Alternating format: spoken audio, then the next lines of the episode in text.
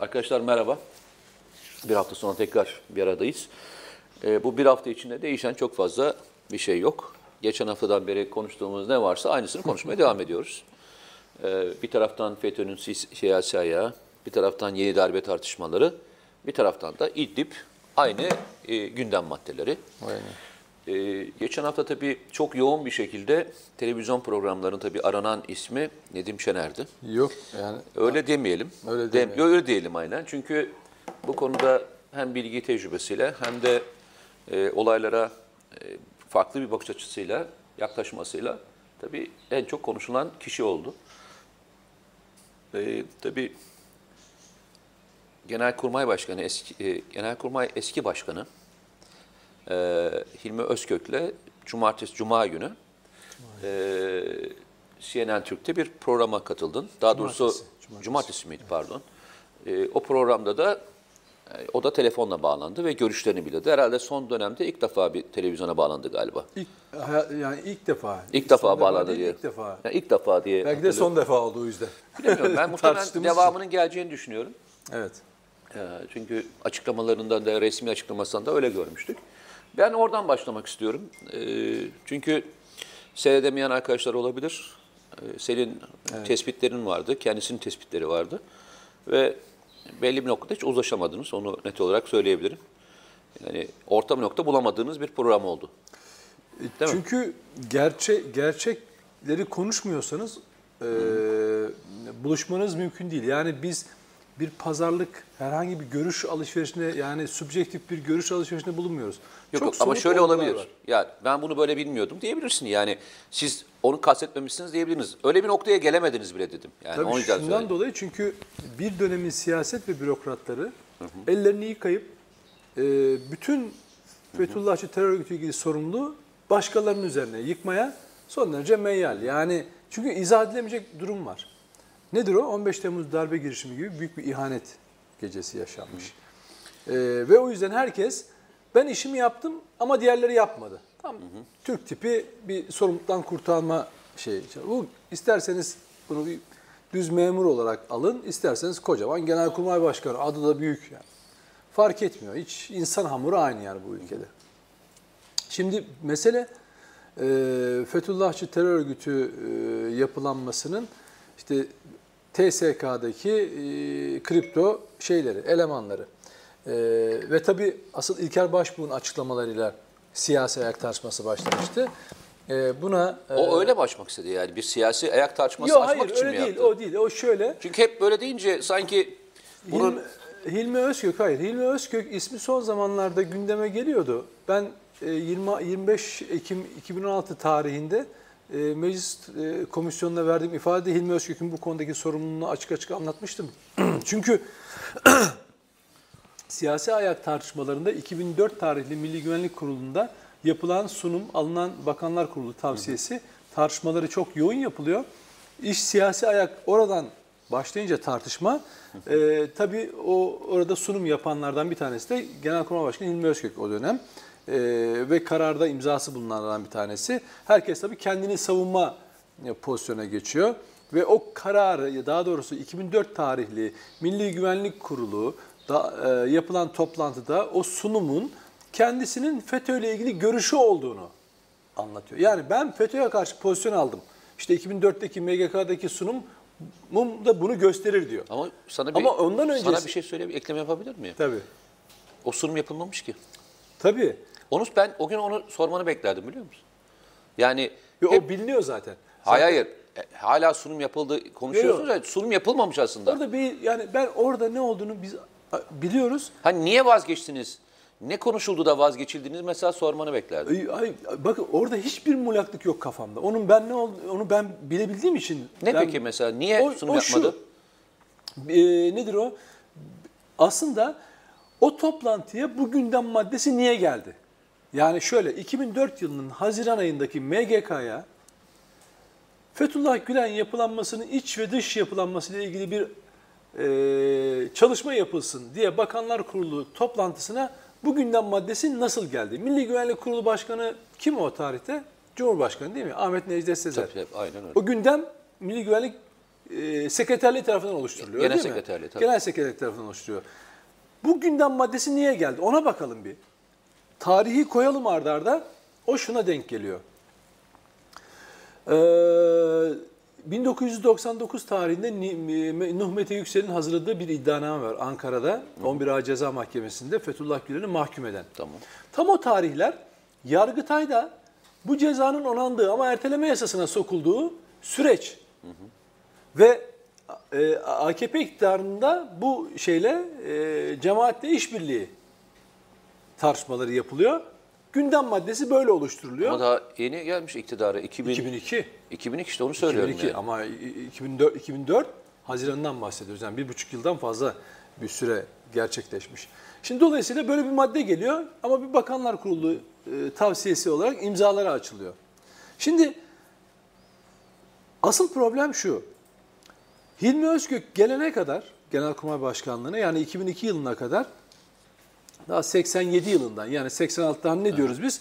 İlk tespitler yapıldı. 87'den itibaren ilk defa FETÖ'cüler TSK'dan ihraç, yaş kararıyla ihraç edilmeye başlıyor. Ondan önce okullarda atılmalar var, e, disiplinsizlik nedeni atılmalar var öğrencilerde falan ama yaş kararıyla e, ilk atı- atılmalar, ihraçlar gerçekleşiyor. 87, 88, 89, 90 diye ilerliyoruz. Ta 2002'ye kadar. 2002'ye kadar Fethullahçılık bir e, Ama orada TSK Fethullahçı diye geçmiyor tabii. geçiyor. Yani direkt Fethullah mı Tabii diyor? Fethullahçılık diye geçiyor.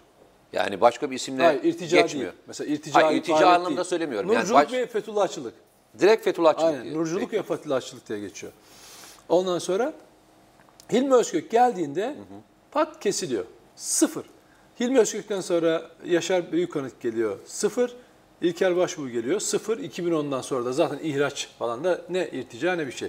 Şimdi Hilmi Özkök'ün savunması şu. Diyor ki Fethullahçılık diyor suç değildi ki. O yüzden diyor atmadık diyor. İyi de 1973-74 tarihli Nurculuk ve Fethullah Gülen'le ilgili mahkeme kararları var. Onanmış. Dediğim gibi 2003'te yani e, Hilmi Özkök Genelkurmay Başkanı olduğunda e, Ankara'daki bu silahlı terör örgütü yönetmek e, suçlamasıyla açılmış dava yürüyor. Tamam. Karar da verilmiş, cezalandırılmış, ertelemeye sokulmuş ama şey duruyor, dosya açık duruyor. Şimdi sen çıkıyorsun o tarihte diyorsun ki bu suç değildi. Peki 2003'ten sonra ihraçları tamamen mi durduruyorsun yoksa efendim irtica devam mı ediyor? Evet irtica olarak bir başka kalemde insanlar atılıyor TSK'dan. Ve 2003'ten sonra o hiç durmuyor. Ta sonuna kadar da irtica ile ilgili atışlar duruyor. E peki ne yaptınız?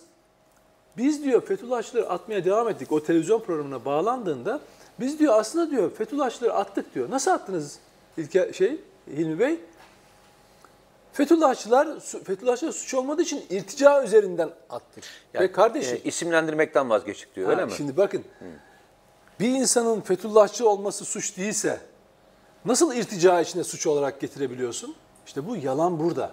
Ben benim kızdığım ya şey sen bu. orada takiye yapıldığını mı E, düşünüyorsun? tabii canım yani çünkü atılmadığını biliyoruz. Herkes de biliyor. Atılmış olsa, o mücadele sürmüş olsa, sonraki yıllara da sirayet etmiş olsa belki bazı şeyler önlenebilir miydi onu bilmem ama en azından mücadele ediliyor, görüntüsü verilirdi. Benim kızdığım nokta şu. Herkes oturup yani şöyle düşünün. Bütün genelkurmay başkanları, bütün siyasetçiler oturmuş ben temizim o kirli. Ben temizim o. Her topu birbirine atmaya çalışıyorlar. e, şöyle söyleyeyim. Hilmi Özkök'ün e, bunu bilmeme şansı var mı? Neyi? Yani e, daha önce Genelkurmay Başkanı olmadan önce de yaşa girdi biliyorsun. Evet. E, rütbesi gereği bulunduğu makamlar dolayısıyla e, Genelkurmay Başkanlığı'nın önceki dönemde de e, yaşa girdi. Doğru değil mi? Evet. Tamam. E, ve bu e, yaşa girildiğinde herkesin önüne gidiyor dosyalar. Yani öyle e, yaşa gelen bir dosyanın e, atılma süreci çok basit değil. Ben sana onu bir kısaca bir anlatayım. Çünkü seni şeyle suçladı biraz. E, süreci bilmemekle suçladı. E, hem de herkes e, ben de, ben de bilmiyorum yani ben de yaşa katılmadığım için ben de e, yaşa katılan e, komutanlarımızdan e, aldığım bilgiyi e, sana aktarayım. Yani bir defa yaz sürecinden önce bir kişinin takip süreci başlıyor. Yani o takip sürecinde bir adli takipten bahsetmiyoruz. E, disiplin yoluyla takip. Sıralı komutanları tarafından, sicil amirleri tarafından e, takip ediliyor. Yani yaptıkları faaliyetler ve şeyler. Ama bu Kıta içi ve çevresel anlamda. Ee, yoksa bir istihbaratı faaliyetten bahsetmiyoruz. Bir yerde olumsuz bir rapor verildiğinde arkasından başka bir yere daha gönderiliyor. Yani ikinci bir kıtaya daha gönderiliyor. Yani ilk tarafta kendisiyle husumet oluşabileceği düşünerek ikinci bir kıtaya daha gönderiliyor. İkinci kıtada da e, aynı şeyleri aldıktan sonra işte yaş sürecine getiriliyor. Bir kişinin atılmasıyla ilgili sürecin başlama e, ve gidişatı yaklaşık en az 5 senelik bir süreç, 4-5 senelik bir süreçten bahsediyoruz. Yani bir anda birisi, O yani ben hemen- Ahmet'i hemen alıp getirin e, yaşa gelemez. Yani böyle bir e, uygulama yok. Sicil amirleri tarafından onun bir zamanı var. Bir dönem veriliyor. O döneme takip etmek zorunda. Ondan sonra başka bir yere tekrar gidip oradan gelecek. Oradan kara kuvvetlerine gelecek. Bizim bilemediğimiz, benim de bazen itiraz ettiğim bir tarafı vardı. Hani diyordum ya, ya kardeşim çoğunluk sizde e, atabilirsiniz diye bir kavram kullanıyorduk. E, onu da ben e, kişilere sorduğumda dediler ki yani o öyle değil. Evet çoğunluk olabilir. E, burada oy ço çokluğu da bir kişinin atılmasıyla ilgili e, süreç başlatılabilir. Ama bilmediğiniz bir taraf var dediler. Kişiler yaş kararıyla atılabil, atılabilmesi için e, prosedürün tamamlanması gerekiyor. Prosedür ne? Seninle ilgili bir dosya hazırlandı ve bu dosyayı ilgili kişiler imzaladı. At- 70 kişinin imzası vardı. 70 kişinin imzası o gün bir masaya açılıyor. İlgili kişiler gelip imza atıyor. İmza prosedürünün tamamlanması için bunun altında iki kişinin daha imzası olması gerekiyor. Bir subayın atılabilmesi için Milli Savunma Bakanı'nın da imzalaması gerekiyor altına. O prosedür tamamlanmadığında işlem hayata geçemiyor. Atılma proje yaş süreci tamamlanıyor ama atılma süreci tamamlanamıyor. O yüzden hani burada hem, de herkes için e, bilgilendirme anlamında söylüyorum. E, şerh koymak şu anlama gelmiyor. Yani ben olaya şerh koydum dediğinde yani atıl, atılsın ama ben oraya muhalefet şerhi vardır ya böyle mahkemelerde. E, muhalefet şerhi kararın çıkmasını ne yapmaz? Engellemez Gelemez. hükmü hüküm verilir. Ama yaşta öyle değil. Şart koyduğunda e, imzayı atmadığı için atma işlemi, işlemi gerçekleşmiyor.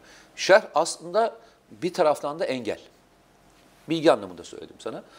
Yine o gün e, Yani TSK ile ilişiği askıya alınıyor. Asya, askeri de alamazsın. Yani şey kıtada görevine devam ediyor mu? Devam ediyor tabii. Devam ediyor. Her şey O, devam o koşullarda. Tabii canım. O koşullarda. Yani e, yani bil- bilinen e, hepimizin de eksik bildiği bir konu bu aslında. E, çünkü yaşa katılmadığımız için ya ben yaş, yaşa katılacak için biliyorsun kimler katılabildiği geçmişte belliydi. Şimdi yaşın yapısı değişti ama eskiden çoğunlukla e, işte orgeneral rütbesindeki işte belli makamlarda olanların geldikleri bir e, yerdi. O yüzden onun prosedür biraz farklı. Benim orada söyleyeceğim şey, sana da hani belki e, bilgi anlamında söyleyeceğim. Biz şu anda şeyi konuşuyoruz devamlı. E, eski genelkurmay başkanlarının, e, daha doğrusu genelkurmay eski başkanlarının e, yaptıkları FETÖ'yle mücadele ve diğerlerini. Mesela şunu niye hiç konuşmuyoruz? E, onun kadar polis teşkilatına girdi. Doğru mu? Ve Türkiye'de e, kumpasların önünü açan veya kumpas süreçleri veya işte 17-25 Aralık gibi süreçlerin içerisinde bu eski FETÖ'cülerin çok büyük rolü oldu. Doğru mu? Evet. Darbenin ön hazırlığı e, onlar tarafından yapıldı. Mesela o süreçler içerisinde niye kimse dönüp e, diğer makamlarda olan kimselere bir laf söylemiyor? Şundan dolayı e, Türk Silahlı Kuvvetleri e, içinde örgütlenmiş olan FETÖ'cüler darbe girişiminde bulundular. Yani Aslında onlar da tehlike- bulundular. Şöyle. Ama onunla ilgili bir mücadele başarılı bir şekilde şöyle yürütüldü. Nerede? O yüzden toplumun bir sıkıntısı kalmadı. 17-25 Aralık'tan sonra en hızlı 20 bine Emin misin? yakın tabii o, o süreçte en hızlı temizlik. misin? 17-25 Evet. Aralık'ta 20 bin polis atıldı. Tabii ondan sonraki süreçten söylüyorum. Bak. Sonraki devamından söylüyorum. Ama şöyle polis içinde FETÖ'cüler çok etkili bir şekilde temizlendi ve çok hızlı temizlendi. Çünkü sivil şeydi, e, siyasetçinin bürokrat e, emrindeydi. TSK'da öyle olmuyor. Bak bugün FETÖ'cü olduğu bilinen Bak Ee, 17-25 Aralık'tan sonra ben barikatlar döneminde Güneydoğu'ya gittim. Ee, yalnızca görev yerleri değiştirilmişti. Ee, şark görevlerine ve diğer yerlere gönderilmişlerdi. Ee, çünkü atılamıyorlardı. Atılamaması sebebi de çok basitti dediğini söyleyeyim. mahkemeye verildikten sonra şeyden geri dönüyordu. Danıştay'dan. Çünkü mahkemeler de onların kontrolündeydi. mahkemelerinden, Ee, attıkları adam bumerang gibi geri İşte dönüyordu. şöyle diyorum, bak yani, orada- orada e, gö- 15 Temmuz'a kadar onlarda da çok büyük bir temizlik olmadı. Yok. Nerede oldu biliyor musun? Kritik görevlerdeki adamlar Aynen, onu- dışarı çıkartıldı. İşte. Ama Ya o onu zaten şey temizliği olmadı. Hani Yok. adam polislikten atılmadı. Onu söylüyorum. Yani polisteki temizlik bütün kurumlardan çok daha hızlı. Yani şu anda hala TSK'da sürüyor. Benim Ve etkili yürüdü. Ben Bunu- onu söyledim. Şunu söylüyorum sana. Bak yine aynı yerdeyiz. İyi de üstad diyorum. Biz zaten e, 17-25 Aralık öncesini konuşuyoruz hep. Yani bütün konuşmalarımızda FETÖ'yle mücadele edilmedi. Eskiden de edilmedi diye konuşuyoruz ya. Evet. Niye o dönemde e, yani Olanlarla ilgili. Olanlarla ilgili niye hiç konuşmuyoruz? Ben onu soruyorum Yani sana. o- niye hep devamlı hani e, silahlı kuvvetler yapmadı, silahlı kuvvetler yani yargı yaptı mı? E, Sağlık Bakanlığı yaptı mı? E, İşte Adalet Bakanlığı yaptı mı? E, İçişleri Bakanlığı yaptı mı? Hepsi yaptı da yani bir tek yapmayan TSK e, ama. TSK mıydı? Ben şunun için söylemiyorum. TSK'yı sıyır diye söylemiyorum. Yo, yo, anladım. Neden bunun muhasebesi yapılırken e, tek taraflı e, hep o tarafı konuşuyoruz? Onun onun bir mantığı var mı sende? Ben bulamadım. Hayır. Sen bulduysan Yok, söyle. Şöyle, ya üzerine şöyle düşün, düş, bir kısa bir düşünmeyle şunu yapabilirsin. Bu bizim olaylara ilişkin odaklanmamızla ilgili bir sorun. Yani Türkiye'de konunun tartışmasıyla ilgili. Bak e, şu son 2-3 haftadan beri siyasi tar siyasi ayak tartışması üzerinden kopartılan fırtına 15 Temmuz darbe girişimiyle ilgili asla kopartılmadı. Yani biz şimdi iki haftadan beri FETÖ'nün 60'larını, 70'lerini, 80'lerini, 90'ları, 2000'lerini konuşuyoruz. O öyle mi dedi, böyle mi yaptı falan filan. Biz daha 15 Temmuz darbe girişimine gelemedik. Yani 251 şehidin, 2000'den fazla gazinin olduğu bir olay ve hani demokrasi tarihinde, Türkiye tarihinde ve dünya tarihinde eşi görülmemiş bir ihanet ve aynı zamanda bir kahramanlık hikayesi ama biz onu tartışmıyoruz. O gün mağdur olanların, onların hakkı, Türkiye'nin hakkı, Türk halkının direnişi bunu hiç konuşmuyoruz. Biz dönüyoruz. E, Fethullah Gülen e, kimin ziyaret etmiş, okullarına kim ne yapmış? Ya ben de diyorum ki arkadaş bunların hepsi oldu. Bunun bunu tartışmanız şöyle bir engel. Eğer bitmiş bir örgüt, yani bitmiş tamamen ölü bir örgütten bahsediyor olsak tamam. Yaşayan bir örgütten bahsediyoruz. Canlı bir örgütten bahsediyoruz. Yani bugün hala siyasette bir yerlerde var olmaya çalışıyor. Bir örgütten bahsediyoruz. Uluslararası desteği olan bir örgütten bahsediyoruz. Güçlü bir örgütten bahsediyoruz bu anlamda. Şimdi bunu bunu yok etmeye çalışırken bu konuda yan yana gelecek insanlar geçen hafta konuştuk. Birbirlerini yok etmeye çalışıyorlar. Ve sığ. Şimdi bu tartış bu kadar sığ bir tartışma bak şu iki hafta var ya. Evet bir yandan insanlara FETÖ'yü bir daha anlatmak için bir vesile oldu. Peki insanların aklında o kaldı mı? Hayır. Ne, neyi öğrendik biz bu arada? E, e, Kılıçdaroğlu'nun ağzından Erdoğan'ın FETÖ'nün siyasi ayağı olduğunu öğrendik. Erdoğan ağzında Erdoğan'ın ağzından Kılıçdaroğlu'nun FETÖ'nün siyasi ayağı oldu- olduğunu öğrendik. Bahçeli'nin ağzından FETÖ'nün siyasi ayağının CHP olduğunu öğrendik. Şimdi ne oldu peki? Ne kaldı elde? Herkes birbirine FETÖ'cü dedi. Gerçek FETÖ ortada etraftan seyrediyor bizi.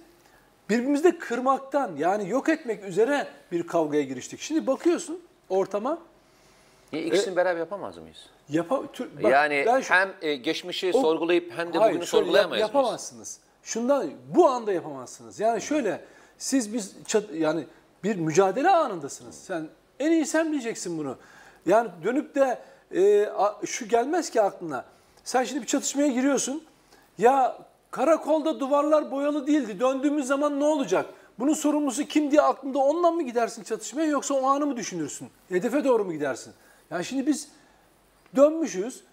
Ee, geçmişte ne olmuş, öyle mi olmuş? Şimdi ilginç olan da Şimdi şöyle, bir şey var. ama, e, Tarafların ben, ben sahadaki adam olarak, ben sahadaki adam olarak e, ona bakarım. Yani o işi yaparım.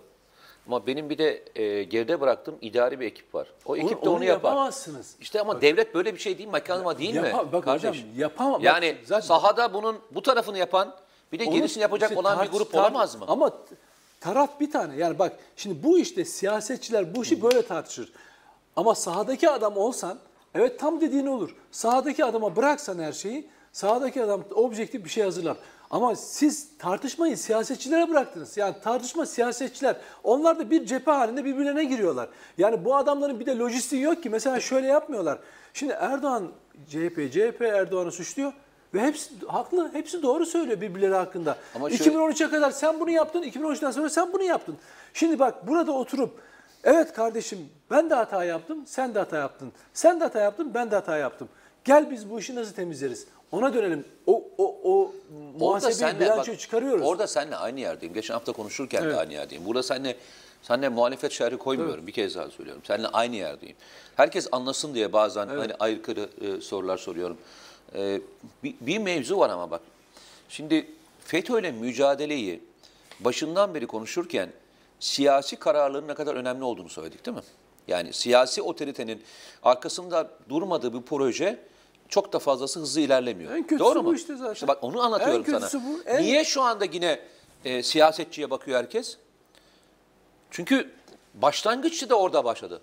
Burada şu başlamadı ki, bak şöyle başlamadı ki. E, bürokratlar bu işe başladılar. E, yok, siyasetçi başlayınca e, bürokrasi de bu işe başladı. Doğru mu? Öyle olmadı mı? Ha, 15, tabii, 17, tabii, 25 tabii, hafta. tabii. O yüzden de hepimiz bunun dışına siyaseti itme şansımız yok. Normal işleseydi senin dediğin gibi, hayatta normal akışta olsaydı, niye bunu siyaseten tartışıyoruzu söyleyebilirsin ama maalesef e, 17-25 Aralık'tan sonra veya 7 Şubat krizinden sonra başlayan bir süreç, siyasetin dahli olduğunda işin şekli değişti. Eğer o senin dediğin gibi olsaydı zaten o gün akşam tartıştığında o tartışmada sana şu laf söylenmezdi. Fethullahçılık suç değil denmezdi. Anladın mı ne demek istediğimi? ha? Evet. Bak e, ben e, e, demin özellikle bir soru sordum. O sorunun cevabı da hani senden de öyle beklerdim. Yanlış verdin diye söylemiyorum ama şöyle bir şey şeydeyiz. Zaman zaman diyoruz ki askerler vesayetti ve hakimiyeti ellerindeydi. O alanı kimseyi sokmadılar. Milli İstihbarat Teşkilatı, polis teşkilatını takip edem şey e, askeri takip edemiyordu. İçeride ajan bulunduramıyordu. Milli İstihbarat Teşkilatı'nın kendi görev yetki kapsamında değildi. E, zaten e, onlar yönetiyordu devleti ve oraya sokmadılar. Bunu doğru kabul edelim. Doğru kabul edelim.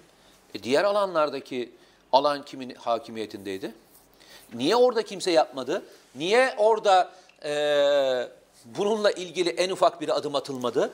Ben bunu niye söylüyorum biliyor musun? 90'lı yıllardan da başlayarak, 80'li yıllardan da başlayarak süreci doğru analiz etmek istiyorsan, bu sürecin FETÖ analizi yalnızca askeri üzerine yapılamaz. Dikkat ediyorsan e, itirazım orada. FETÖ analizini biz devamlı nereden yapıyoruz biliyor musun? Bir tek askeri üzerine yapıyoruz. Şimdi şöyle ama bak burada Fethullah Gülen'in bizzat konuşmasında e, ve bütün kayıtlarda e, Türk Silahlı Kuvvetleri'nin Türkiye üzerindeki etkisini çok iyi bildiğinden en çok oraya Bu odaklandı. önemsiz demedim Ama ki. bak şöyle, bak ama tamam, sen- bak tamam. şimdi Yo, yo. iki yere çekiyorsun. Bak ben bak Çekmiyorum hayır. Bak ben, Ben- sana şunu demedim ki. Ben dedim ki hadi dedim burası kimse sokmadı. Oradaki herkes korudu dedim. Bak öyle düşündüğünü düşündüm.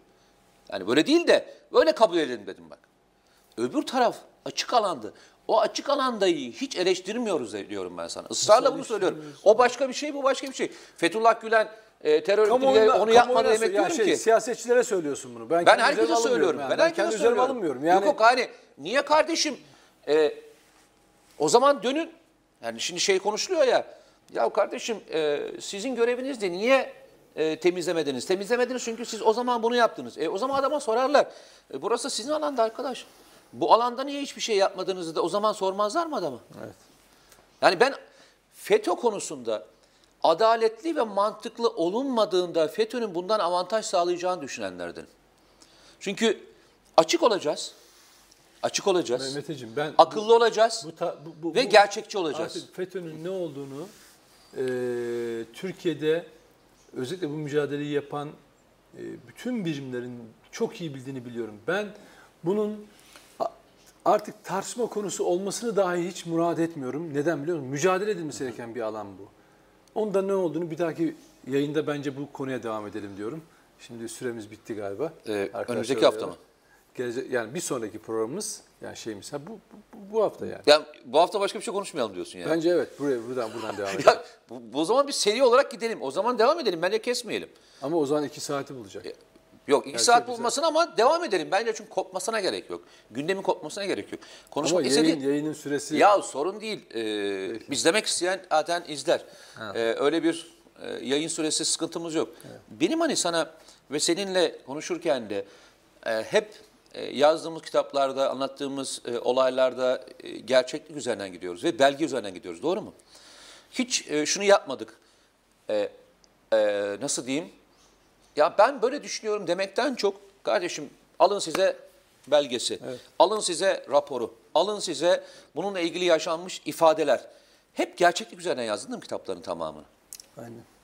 İçerisinde çok az kendi analizini yok. yaptığın şey var. Yok, hayır. Tamamen- Sadece sorular sormuşumdur. Yani soru sormuşumdur. Beraber düşünelim cevap Ha, bulalım diye. şimdi aynı şey. Biz darbenin kayıp saatlerini yazdığımızda Ceyhun Bozkurt'la da ilk başlangıçta konuştuğumda şunu söyledim. Ki ya burada gerçeğe ulaşmak için belgeye ihtiyaç var. Herkesin yorum, yorumları farklı olabilir. Yorum kime aittir abi? Halkın kendisine aittir değil mi? Okuyucuya aittir değil mi? Sonucu o çıkaracak. Sonucu o çıkartacak. Ee, zeki bir toplum bu toplum. Sen de ben de hep aynı şeyi yazıyoruz. Zeki bir toplum. Bu zeki toplum eline belgelerini, belgelerini verdiğinde ne olduğunu buluyor. Rahatlıkla buluyor. Öyle bir noktaya geldik ki bu sen tartışma programında da aynı şeyi yaşıyorsun. Sanki oraya geldiğinde 15 dakikada çok sesini yükselttiğinde eee, kimin haklı olduğu ortaya çıkacak. Yok abi böyle bir şey. Yapabileceğimiz kadar seninle burada yaptığımız programda da aynı şey yapıyoruz. Devamlı neyi konuşuyoruz? Başka bir bakış açısı nasıl bak- baktığımızı, olaya nereden baktığımızı, hangi belgeyle baktığımızı, hangi kaynaktan baktığımızı söylüyoruz. Çünkü FETÖ'yle mücadeleyi e, safsatalar üzerinden, dedikodular üzerinden konuştuğumuzda hiçbir yere gidilmeyeceğini biliyoruz. Neden konuşarak gidebiliriz? Belgeyle. Sen Hrant Dink'in kitabını yazdığında o günkü belgeleri koymasaydın bugün mahcup olmuştun değil mi? Abi. Çünkü Sen diğerleri o mahcup sonuca- oldu. O sonuca Ha, varamaz. varamazdın. Çünkü senin Hrant Dink'le daha önceden geçmişinde bir arkadaşlığın var mı? Yok. Akrabalığın var mı? Yok. Kan bağın var mı? Yok. Hiçbir şeyin yok. Bir gerçeği aradın ve gerçeğe de belge üzerinden gittin. Benim hani deminden beri söylemeye çalıştığım şey de o.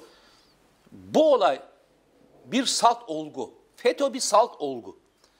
Bu salt olguyu belge dışına çıkarttığında işte demin senin söylediğin gibi gideriz. Nasıl gideriz biliyor musun? Sen de FETÖ'cüsün, sen de FETÖ'cüsün, sen de FETÖ'cüsün, sen de FETÖ'cüsün. E, o zaman memleketin hepsi FETÖ'cü demek. Bu, bu sonuca mı gideceğiz? Arkadaş bunun içerisinde alın buyurun belge bu, alın belge, belge bu. Demin hoş, güzel bir sözle söyledin. Herkes görevini yapmış, herkes elini yıkamış, bitirmiş gitmiş dedin değil mi? Yani öyleymiş. Yok abi. Herkesin az çok orası burası bir sorumluluğu var. Tamam mı? Yani kaza yaparken bile, araba sürerken bile arkadan sana çarptığında arka taraftaki her zaman 8 8 8 kusurlu olmuyor. Senin yapman gerekenler de var. Senin yapman gerekenler de var. Bazen sen de suçlu olabiliyorsun. Yapmaman gereken başka bir şey yapmış olabilirsin. Benim söylemeye çalıştığım hepimizin gerçek anlamda gerçek anlamda neyi yapıp yapmadığını tartışalım diyorum. Ama bir de FETÖ'yle mücadele gerçek anlamda nasıl yapılabilir de tartışalım. Bu ikisini de beraber yapmakta ben bir hiç sakınca görmüyorum. Seninle tek ayrıldığım, bugün tek ayrıldığım konu e, bu ikisi de tartışılabilir ve ikisi de zarar vermez. Teorik olarak fikir bazında itiraz etmiyorum. Ben pratik olarak bunu yapabilecek edimlere, imkanlara sahip değiliz. Neden? FETÖ ile ilgili en hararetli tartışma diyorum ya 15 Temmuz konusunda biz gerçekleri toplumla daha paylaşamadan yani bugünlerde mesela FETÖ'cüler çok basit bir yalanı tekrar ortaya atıverseler FETÖ şey 15 Temmuz'la ilgili hemen kabul görüyor. Neden? Bu siyasetçilerin yaptığı siyasi tartışmalar, kutuplaştırmaya da sebep olan bu tartışmalar hemen yalanlara da bir takım sahipler yaratıyor. O arada işte FETÖ bunları kullanıp işte 15 Temmuz'da zaten yani diyor ki mesela bunlar FETÖ'cü. 15 Temmuz'da zaten kurgu bakın zaten böyle. Zaten bir şey bilmiyor birçok insan. Hemen onu da sahipleniyor karşı tarafa vurmak için. Ve sonunda bakıyorsunuz hiç kimse kazanç çıkmıyor Türkiye'de. Taraf, o yüzden söylüyorum. Dediğine teori- teorik olarak katılırım. Ama bu o modern düşünme, o sistematiğe sahip insanların yapabileceği bir şey. Ama biz tartışmayı siyasetçilere ele aldı. Birbirlerine inanılmaz suçlamalar yaptı. Ve mahkemeye verdiler üstad. Düşünebiliyor musun? Taraflar birbirlerine sonunda bana FETÖ'cü dedi diye mahkemeye verdiler. Bu mudur FETÖ'yle mücadele? Şöyle söyleyeyim. Ya Allah aşkına Meteciğim. Yo tuhaf aynı fikir. Ya geçen hafta da aynı şeyi konuştuk. Dedim Tabii. ki FETÖ'yle iki tane mücadele eden iki adam söyleriz. İkisi de birbirine mahkemelik oldu dedik hatırlasana. ya ikisi de birbirine mahkemelik olmuş olması zaten bunun trajikomik tarafı dedik hatırlarsan. Ya evet, Geçen hafta İlker Başbuğ'yla e, Sayın Cumhurbaşkanı karşı karşıya mı gelmeliydi? Herhalde en son karşı karşıya gelecek iki insandı dedik. Tabii. Böyle söylemedik mi Evet, geçen hafta? evet, o yüzden hani aynı şeyi tekrarlamak için söylemedim. E, şunun adını koyalım mı? E, herkes de belki e, bilmesi adına. Şimdi birçok tartışma var. Darbe olabilir mi, olmaz mı, olsun mu? Yani olsun dediğim hani bazıları da öyle diyor ya birisi olsun mu diyor, öbürüsü de olsa bir sistem değişikliği birçok şey birbirinin içine girmiş durumda. Benim burada itirazım bir kez daha söylüyorum. E, herkesle aynı düşünceye sahip olmak zorunda değiliz. E, geçmişte de aykırılıklar, yani aykırı söylemler bizi uyarmıştı. E, kimse e, onunla ilgili bir şey söylemezken başka bir bakış açısı bize aslında darbenin olabileceğini hissettirmişti. Doğru mu? Başka bir görüş Hrant Dink'in aslında Fethullahçılar tarafından öldürüldüğünü söylemişti. Başka bir polis e, bunların e, kripto yapısını ortaya çıkarmıştı. Başka bir e, yazar bunların diğer e, nasıl diyeyim e, normal bir cemaate benzemeyen tarafını ortaya çıkartmıştı. Doğru mu? Hep başka bakış açıları ama uç bakış açıları. Bugünlerde e, bu darbe tartışmalarını, e, darbe e, bir isteyen bir grup var onu söyleyelim. Gerçekten de Doğru. isteyen. E, abi e, bunu satın alan insanlar var Türkiye'de. Yani e, seninle beraber Risk yaşamadık mı? Tabii. Yani o geceyi bilenlerdensin. Ondan sonra yaşanan senin itirazın neydi? Sen niye isyan etmiştin? Hatırlamıyor musun? Şimdi şöyle söylediler ben de şok geçiriyorum. Var mıydı? Şimdi hala var mı? Senin gözlemlerini söyleyeyim. Ben benim düşüncem var da. Ben Yani- e, bazı insanların gerçekten gözleri o kadar Dönmüş e, dönmüş durumda ki e, neden söylüyorum? Biz Türkiye'de terör örgütlerinin siyasi ayaklarını konuşurken yalnızca FETÖ'yü konuşuyoruz. Türkiye'de gözümüzün önünde o kadar siyasi ayak var ki. Hı. Tamam mı? Hani birisi darbe yaparak giriyor, birisi Türkiye'yi bölerek yapmaya çalışıyor. Ee, hiç bu konuda konuşuyor muyuz? Konuşmuyoruz. Ne farkı var? Yani bu ülke topraklarını e, ayırmak, bu ülkeyi devirmek. E, Çünkü suçlardan bir tanesi Türkiye'nin anayasal düzenini bozmak diyorsun. Aynı suçla yargılıyorsun. Yani FETÖ terör örgütünün yargılandığı bir suç yok ki ayrı bir suç yok ki. Aynı suçtan yargılanıyor doğru mu? Ama bakış açımızda ya gitsin de Cumhurbaşkanı diyen bir grup var. Tabii. Kim gelirse gelsin diyecek kadar da gözü dönmüş bir grup var yani. Yani sonucunun ne olduğu çok önemli değil. Nereye gideceğini bu tamamen herkesi kastederek söylemiyorum. Böyle bir grupla sokakta karşılaşmıyor musun sen? Televizyonda karşılaşmıyor Var, musun? var. Kesinlikle. Basında karşılaşmıyor musun? Aydın camiada karşılaşmıyor musun? Yani etrafında yok mu bunlar abi? Ya şu anda toplumsal kutuplaşma 15 Temmuz öncesine vardırılmış durumda yani. Hiç, hiç de gerileme yok. Ee, şeyler 15 Temmuz'un o ilk e, şeyi e, sıcaklığı düştü. O hal kalktı. İşte o hal kalkalı bir yıl mı oluyor, iki yıl mı olacak neredeyse? Yani daha bir buçuk yıl oldu neredeyse. Ee, Ağustos'tan evet bir buçuk yıl olacak. Ee, ve baktınız bütün unsurlar, FETÖ'cüler özellikle tekrar kendini konsolide etmeye başladılar. Özellikle yurt dışından aldığı desteklerle falan. Ee, 15 Temmuz gecesi yaşanan hep anlattığımız o gerçekten e, hayatını kaybedenlerin mağduriyetleri, toplumun uğradığı ihanetin mağduriyeti hiç konuşulmuyor. Hep onların mağduriyetlerini sahiplenen birileri de E tabii, aynen. piyasaya çıkmaya başladı. Ya o bırak Etkili onu mağdur şekilde olarak Ben görmeyen gerçekten biraz e, çok şey bilerek söylememiştim. 5 yıl içinde 15 Temmuz dernek adı olarak kalır diye ama gerçekten oraya sen zaman erken çektin galiba. Yok hayır do- gerçekten 5. yılında 15 Temmuz yani 2016'dan 2021'de. 2021'de yani gelecek sene biz artık sadece bakın 15 Temmuz şehitlerinden hiçbir eser yok, hiçbir şey e, konuşulmuyor. Asla konuşulmuyor. Siyasetçiler de konuşmuyor. Çok ilginçtir. Ondan sonra her- onlar da geri çekildiler. Ondan sonra Herkes yasını kendi tutuyor değil mi? Ya çok garip hocam ya. Çok garip ya. Bana koyuyor yani gerçekten koyuyor. E, koymaz ya. mı? Ben yani bak ben çocuk gençliğimden beri Senle beraber PKK'yı PKK'nın şehit ettiği insanları bile unutmuyorum ben ya. Yani onlarla yaşıyorum biliyor musun? Yani belki de bu benim şeyim takıntım, doğru- doğrusu bu hastalığım ama. yani. Doğrusu bu. Ama ben hocam böyle bir Doğrusu bu. bu top, bir toplumun geleceği kalmaz ya. Yani bir toplumun gerçekten Batuhan'ın geleceği e, kalmaz. Batuhan'ın hikayesi değişti mi sence? Yani Batuhan şehit olduktan sonra babasına selam vermeyen insanların e, bakışı değişti mi sence?